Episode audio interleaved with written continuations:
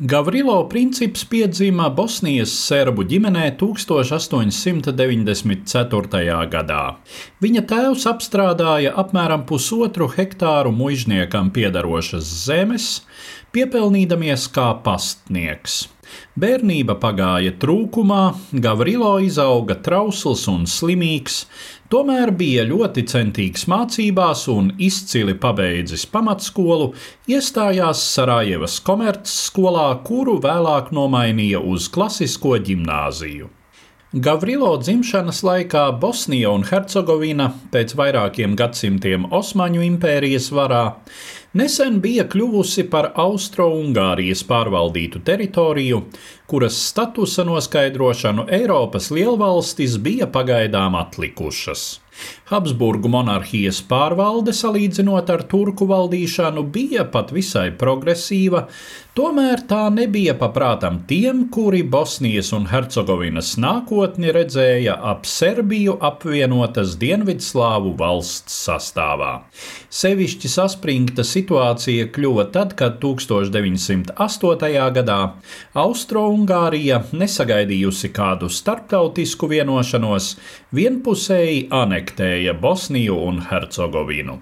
Serbu nacionālistu kustības iespaidā nonāca arī jaunais Gavrilo princips. 1912. gadā viņš tika izslēgts no gimnāzijas par draudēšanu serbu nacionālismu pietiekami neatbalstošiem skolas biedriem. Nākamie pāris viņa mūža gadi pagāja pārceļojumos starp Sarajevu un Belgradu, arvien ciešāk iesaistoties slepenās serbu militārās organizācijas Melnā roka darbībā. Kaut arī nelegāla šī teroristiskā organizācija sastāvēja pa daļai no serbu armijas virsniekiem, un par tās darbību bija labi informēti daudzi kā Serbijas armijas štābā, tā valdības aprindās.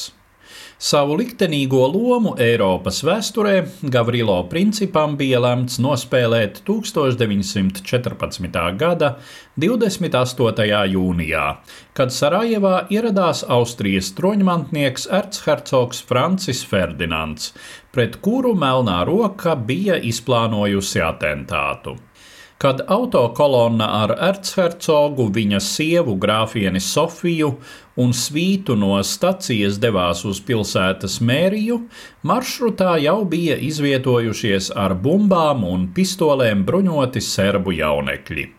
Vispirms uz Franča Ferdinanda auto lidoja Nedeļko Čabrinoviča mesta bumba. Tomēr šoferis spridzekli pamanīja, palielināja ātrumu un eksplozija sadragāja nākamo mašīnu, smagi ievainojot divus no ercercoga svītas un vieglāk ap duci cilvēku uz ielas. Tālāk autokolonna devās lielā ātrumā un šķita, ka sazvērnieku plāns ir izgāzies. Viņi izklīda. Gavrilo princips devās uz Morica Šillera kafejnīcu apēst kādu sviestmaizi. Tikām Ertshercogs pēc vizītes mērijā vēlējās apciemot pirmītējā sprādzienā cietušos. Pārpratuma dēļ Ertshercoga auto nogriezās nepareizajā ielā, Bosnijas gubernators ģenerālis Oskars Potjoreks pavēlēja griezt atpakaļ, un šoferis nobremzēja tieši pie kafejnīcas, no kuras tobrīd iznāca Gavrilo princips.